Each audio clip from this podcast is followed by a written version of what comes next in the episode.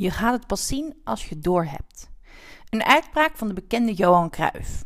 Maar deze uitspraak laat wel heel duidelijk het verschil zien tussen een beginner en een expert. De eerste, ja, die zien het nog niet.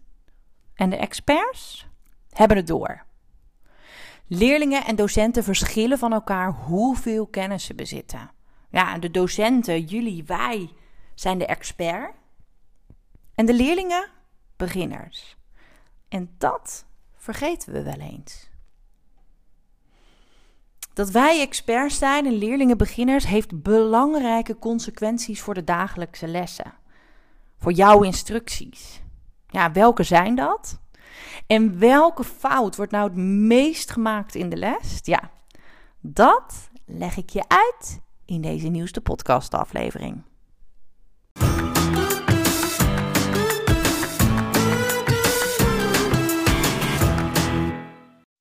Hey, wat leuk dat je luistert naar de podcast van het Leerlab. In deze podcast leer ik docenten, mentoren, coaches, SLB'ers, LOB'ers, eigenlijk alle onderwijsprofessionals die je kan bedenken, alles over leren, leren en plannen. Wat zegt de wetenschap? Wat zeggen de onderzoeken over deze onderwerpen? En het allerbelangrijkste, hoe vertaal je dat naar de praktijk? Ik ben Laura en met het Leerlab heb ik een grootse missie. Namelijk alle leerlingen in Nederland en België ja, leren, leren en plannen. En om deze missie te bereiken ben ik heel actief op Instagram en maak ik elke zondag deze podcast.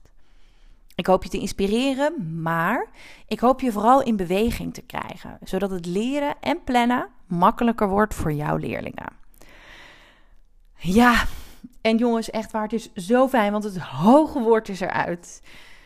Want ik, ik zeg in de intro van deze podcast dat ik actief ben op Instagram. Maar de laatste tijd ben ik helemaal niet zo actief geweest op Instagram. Want ik was in en in moe. En ik was zo ontzettend moe. Niet omdat we zo druk aan het, ja, aan het klussen en verhuizen zijn. Tuurlijk speelt dat ook mee. Maar ik ben, ja, ik ben moe. Omdat er gewoon een klein mini-mensje in mijn uh, lijf aan het groeien is. Ik ben gewoon zwanger. En ik vind het echt zo bijzonder. En als ik er nu over praat, denk ik weer: oh, bizar eigenlijk. Hè? Dat gewoon kindjes, een kindje in mijn buik groeit. Nou ja, uh, Matthijs en ik, mijn man en ik, we zijn echt onwijs dankbaar en blij dat dit ons gegeven is. Um, want ik weet en ik zie ook vaak genoeg dat dit niet vanzelfsprekend is. Dus nou ja, is het voor jou, voor jullie lastiger? Weet dan dat ik aan jullie denk. En um, ja. Maar ja, dat maakt eigenlijk ook direct dat ik um, in verwachting ben. Um, dat ik afgelopen weken heel veel heb nagedacht. Hoe, hoe moet het verder met, met het leerlab? Uh, hoe gaat het als er straks een kleintje is? Hoeveel dagen wil ik dan werken? Um, is er überhaupt plek op de opvang? Want dat is ook nog maar de vraag. We hadden ergens ingeschreven voor de opvang. Er is in februari 2024 plek uh, voor, de, voor één dag. En de tweede dag is pas beschikbaar in juli 2024. Dus ja, ik ben over allerlei dingen aan het nadenken. Maar ook, hey, hoe zorg ik er nou voor dat het leerlab gaat doordraaien als ik straks met verlof ben? Ik had gisteren echt een hele te gekke dag met mijn coach, uh, Birgit. Of Birgit. Uh, Birgit. En um, we hebben daar heel veel gesprekken gehad. En we hebben het eigenlijk vooral heel erg gehad over... ja, we gaan het leerlab babyproof maken. En het leerlab babyproof maken um, maakt dat mijn grote prioriteit en focus op dit moment echt moet liggen op het ontwikkelen en samenstellen van een team. Afgelopen schooljaar heb ik natuurlijk gewerkt met een team van ruim eh, 10 mensen, wat heel te gek was. Daar heb ik heel veel van geleerd. Daar heb ik ook zeker fouten gemaakt. Uh, te veel dingen over de schutting gegooid. Um, nog steeds veel te druk zelf. Nog steeds te veel met mijn voeten in de klei. Um, maar. En dat, ik merk ook dat dat me. Hè, want dit staat al langer op mijn to-do-lijst. Is grappig. Maar het maakt dus echt dat ik denk, ja, ehm, ik moet hier nu echt wat mee. Dus uh, afgelopen vrijdag heb ik een uh, mail gestuurd naar mijn mailinglijst. Um, want misschien, en misschien luister je nu en denk je: Oeh, Laura, dit is leuk. Dit is nou net wat voor mij. Misschien ben jij wel wel een enorme leerlab-fan. En misschien denk jij wel: hey, die missie van Laura, van het leerlab. Al die leerlingen in Nederland en België leren, leren en plannen. Um, om uh, en dat op, met, bij docenten en scholen. Om dat, ja, dat virus te verspreiden. Uh, misschien denk je, joh, daar wil ik wel aan bijdragen. Nou, luister dan heel kort en anders spoel gerust even door. Want wie of wat zoeken we nou eigenlijk? Nou, allereerst zijn we op zoek naar leerexperts. En als een leerexpert ga je scholen begeleiden of projectgroepen of docenten of andere onderwijsprofessionals bij het leren, leren en plannen. En ik moet even de bel doen. Dit is erg grappig. Sorry, tot zo. Oké, dat was PostNL die um, een cadeautje kwam langsbrengen. Omdat ik Matthijs, mijn lieve man, een cadeautje wil geven um, voor ons nieuwe samenwoonhuis. Maar genoeg dat. Ik was bij het uitleggen van leerexperts. Dit is echt niet netjes, maar ja, sorry, soms gaat het zo. Ik heb geen invloed op PostNL. Um, Eigenlijk is het dus veel een begeleidende rol uh, als leerexpert. En dat kan zijn dat je dat heel goed en fijn kan in een één op één situatie. Dus dat je uh, uh, de projectleider begeleidt bij het implementeren van onze planagenda. Of dat je een, een coach die een eigen praktijk aan het opzetten is, begeleidt om te helpen bij hey, hoe doe je dat nou goed en handig bij eh, je leerling in de praktijk? Waar loop je tegenaan? Welke werkbladen kun je gebruiken? Maar dat kan ook zijn in de variant van een groep, namelijk de mastermind groep. Want de mastermind groep gaan we groter maken. De mastermind groep gaan we twee keer per jaar aanbieden. Uh, en kun je instromen. En misschien denk jij wel, joh, dat lijkt me echt te gek. Ik vind wat jij doet echt leuk, Lau. Um, ik wil daaraan bijdragen. En ben je nou heel enthousiast en positief? Heb je energie en ook via beeldscherm, want het leerlab werkt veel al online. Dan word je blij van nieuwe dingen leren. En heb jij ervaring in het onderwijs of met het begeleiden van leerlingen? Nou, dan wil ik je vragen om je cv, je beschikbaarheid en motivatie via een video naar laura.leerlab.nl te sturen. Nou, naast leerexperts zijn we ook op zoek naar leerlab missiemakers. En bij, uh, ja, als leerlab missiemakers moet jij echt geloven in de missie van het leerlab. Namelijk alle leerlingen leren, leren en plannen. Hè, ik geloof erin dat dit vaardigheden zijn die we moeten aanleren en dat die niet spontaan ontwikkelen. Maar als jij nu ook denkt, ja, dat denk ik ook, daar, nou ja, uh, dat vind ik echt te gek. Nou, bij het Leerlab hebben we natuurlijk verschillende producten en diensten om scholen en docenten te helpen om dit ook te realiseren. Want mijn ervaring is inmiddels, scholen vinden dit ook belangrijk. Maar um, ga niet opnieuw het wiel uitvinden. Um, en dit is natuurlijk de expertise van het leerlab. En dat, eh, dat kun je doen door intakegesprekken te voeren met mensen die geïnteresseerd zijn in de mastermind. Of met scholen te bellen die een inkijkexemplaar hebben opgevraagd van de planagenda. Om te vragen, hey, wat vond je ervan? Wat vind je ervan? Um, uh, is het iets voor jullie school? Maar ja, dat zou ook kunnen met ons implementatietraject of de lesmethode of de lessenserie. Nou, als je hiervan denkt, joh, ik wil inderdaad al die producten en diensten graag helpen verspreiden, die missie, ja, die, missiemaker. Um, en ben jij heel communicatief sterk en ben je niet bang om te bellen?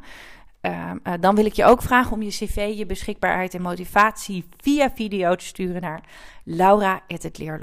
laura.hetleerlab.nl en ik doe alsof ik dit heel normaal vind.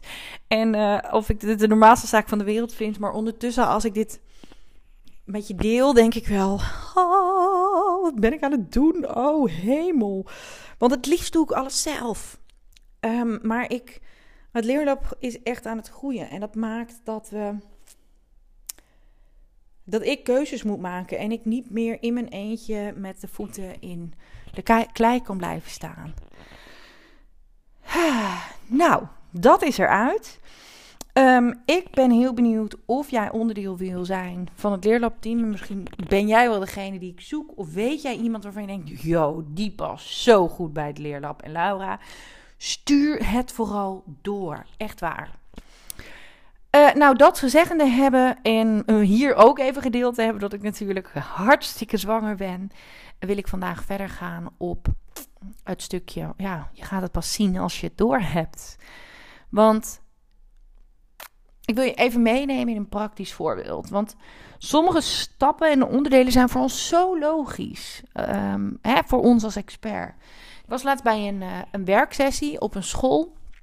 En dat team ging aan de slag. En in de werksessie ging dat team samen lessen voorbereiden met de onderdelen van het effectief leren. En dat lesdoel, uh, ik kan, en dan een lesdoel. En daarvan moesten de leerkrachten, docenten, een concreet stappenplan maken. In dit geval ging het over rekenen. En we waren aan de slag, of de, docenten waren aan de slag. Ik liep rond. En ergens zag ik bij stap 5 staan: uitrekenen. En toen vroeg ik: Maar hoe doe je dat dan? Ja, gewoon zo en zo. Ja, voor ons is dat gewoon zo en zo. Hè, voor ons is dat zo logisch. Maar voor leerlingen niet. En in dit geval ging het over cijferend rekenen, uh, minsommen cijferend rekenen. Maar wat zijn dan de stappen die je doorloopt? Want natuurlijk is stap 1 som onder elkaar schrijven, kijken hè, of je dat getallen goed, weet ik veel. Maar dat uitrekenen, juist dat uitrekenen, hoe doe je dat? Welke stappen moet je zetten? Want wij, wij denken, ja, dat is gewoon uitrekenen. Maar dat is voor die beginner, dat is voor jouw leerling absoluut niet zo. En dit is iets wat ik onwijs vaak zie gebeuren. En dit wil ik je eigenlijk kort uitleggen aan de hand van de vloek van kennis. Want waar leerlingen zichzelf heel gemakkelijk kunnen overschatten, ligt er bij docenten juist het gevaar op de loer dat ze zichzelf onderschatten. En ik wil je meenemen naar 1990. Want in 1990 zette uh, Elizabeth Newton een. Uh, een onderzoek op. En het was eigenlijk een heel eenvoudig onderzoek. En ehm, daarin had ze uh, proefpersonen. En die proefpersonen verdeelden ze in twee groepen. Uh, de ene groep tikte een ritme op de tafel. En de andere groep moest dan raden welk liedje er werd bedoeld. En de, de, persoon hè, die op de tafel moest tikken, die werd wel gevraagd: hey, zorg ervoor dat je een liedje kiest die uh, bekend is, dus die is ma makkelijk is. Dus de tikkers, de muzikanten tikkers, die kozen bijvoorbeeld voor uh, Happy Birthday. En de mensen die, voor, of die het lied gingen tikken, of het nummer gingen tikken, die moesten vooraf inschatten hoeveel procent van de liedjes goed geraden zou worden. Door de andere groep, de luisteraars. Nou, in dit geval voorspelde, um, voorspelden ze dat het 50% zou zijn. Maar aan het einde van het onderzoek bleek dat de luisteraars maar 2,5% van de liedjes daadwerkelijk goed had geraden. En de tikkers, ja, die dachten echt, wat is dit? Die waren met stomheid geslagen. Ze konden zich niet voorstellen hoe moeilijk het voor een luisteraar, voor de luisteraar zou zijn om het liedje te herkennen of de melodie te herkennen. Want dat, ja, dat snap je nu toch wel, dat hoor je toch wel. En dit verschijnsel, dit verschijnsel is uh, de vloek van kennis. Personen met veel kennis zich, kunnen zich moeilijk voorstellen hoe het is om deze kennis niet te bezitten. Ze onderschatten de eigen kennis, omdat deze zo, ja, zo logisch is, zo vanzelfsprekend. He, net als met die keers of met het cijfer en het rekenen onder elkaar uitrekenen. Ja, dan ga je gewoon uitrekenen. Zo vanzelfsprekend.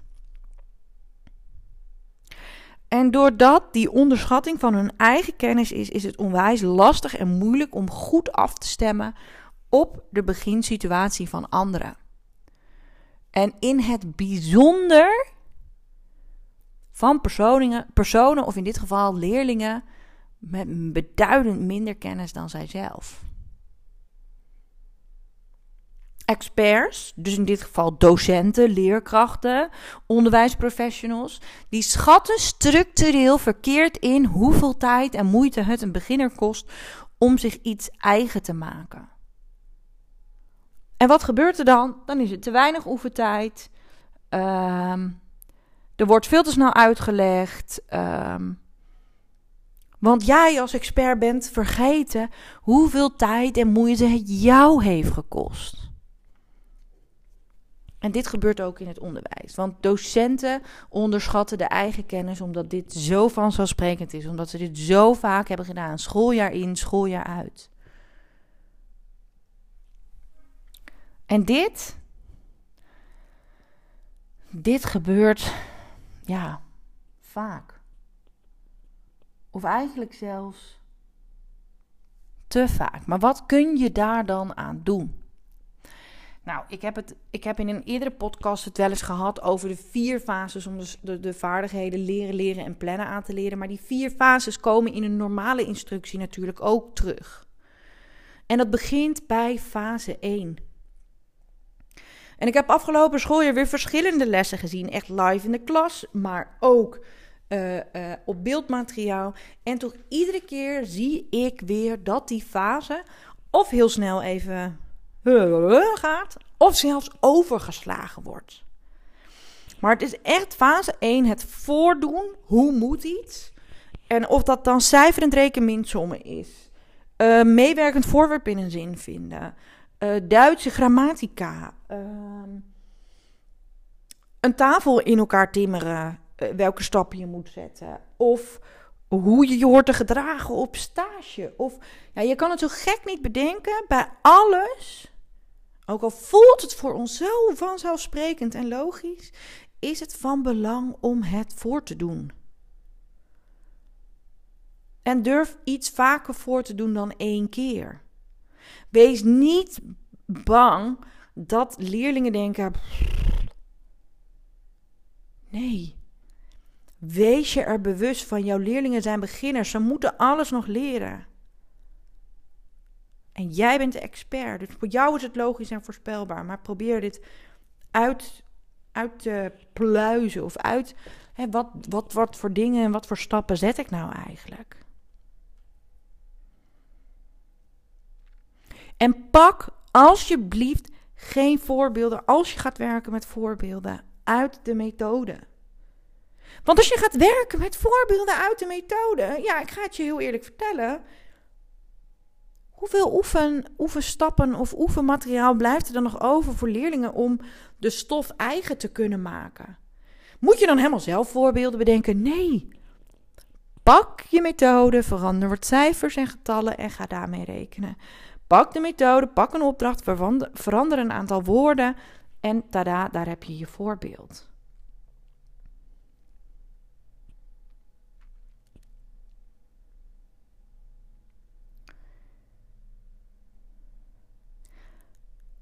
En eigenlijk wil ik je drie stappen geven om hiermee aan de slag te gaan.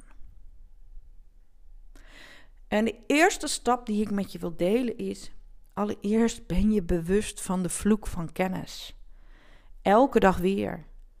Laat dit ieder schooljaar terugkomen. Laat dit terugkomen op bouwvergaderingen, op teamvergaderingen. Jullie zijn de expert. Jullie leerlingen en studenten zijn beginners. De tweede stap die ik je mee wil geven is: kijk naar je lesdoel. Maak hem praktisch concreet hè, of compact. En ga dan kijken. Welke stappen moet ik zetten om dat te doen? Ga instructie geven aan de hand van een stappenplan. Wees expliciet. En neem daarin niet de grote stappen en denk: oh, dit weten ze nu toch wel. En dit kan op inhoud van de stof zo gelden, hè? maar dit zie ik ook gebeuren op de vaardigheden als leren, leren en plannen. Dat ik docenten hoor zeggen: ja, maar ze weten toch wel hoe ze dit moeten leren? Nee, niemand of bijna niemand leert ze het aan. Deel de stof op in kleine behapbare stappen en controleer voortdurend of die leerlingen het hebben begrepen. En stap 3. En zorg ervoor dat je dat voorbereidt. Zorg dat je veel voorbeelden uitwerkt in die eerste fase van het voordoen. Kijk naar de les. Kijk naar het doel. Wat moeten ze uiteindelijk zelf kunnen doen? Ik heb laatst een les gezien dat ging over ehm, klokken. En dan moest je van de analoge klok, klok naar de digitale klok. En van de digitale klok naar de analoge klok.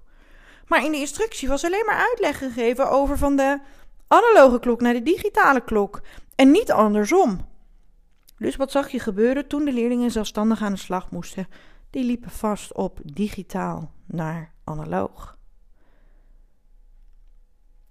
Dus kijk, wat moeten leerlingen kennen kunnen? Wat moet ik dan voordoen? En zorg voor genoeg voorbeelden. En dat is echt een veelgemaakte fout door docenten. Ik denk zelfs de meest gemaakte fout. Ja, uh, we gaan het zo en zo doen. Dit moet je vandaag doen. Uh, succes. Nee, laat zien hoe het moet. Laat zien hoe ze het moeten uitrekenen. Laat zien hoe ze tot het antwoord komen. Bied iedere keer continu stappenplannen aan en doorloop die stappenplannen en laat zien hoe ze dat doen met die voorbeelden. En om deze podcast af te ronden, zou ik zeggen: een paar dingetjes op een rij om deze aflevering voor je samen te vatten. Allereerst, alles wat jij weet, moeten leerlingen nog leren. Geef eerst instructie en stel dan vragen. En vraag niet um, wie snapt het. Controleer het. Controleer het door leerlingen een opdracht te laten maken. Zodat jij ook echt kan zien: hebben die leerlingen het doel onder de knie? Hebben ze het begrepen?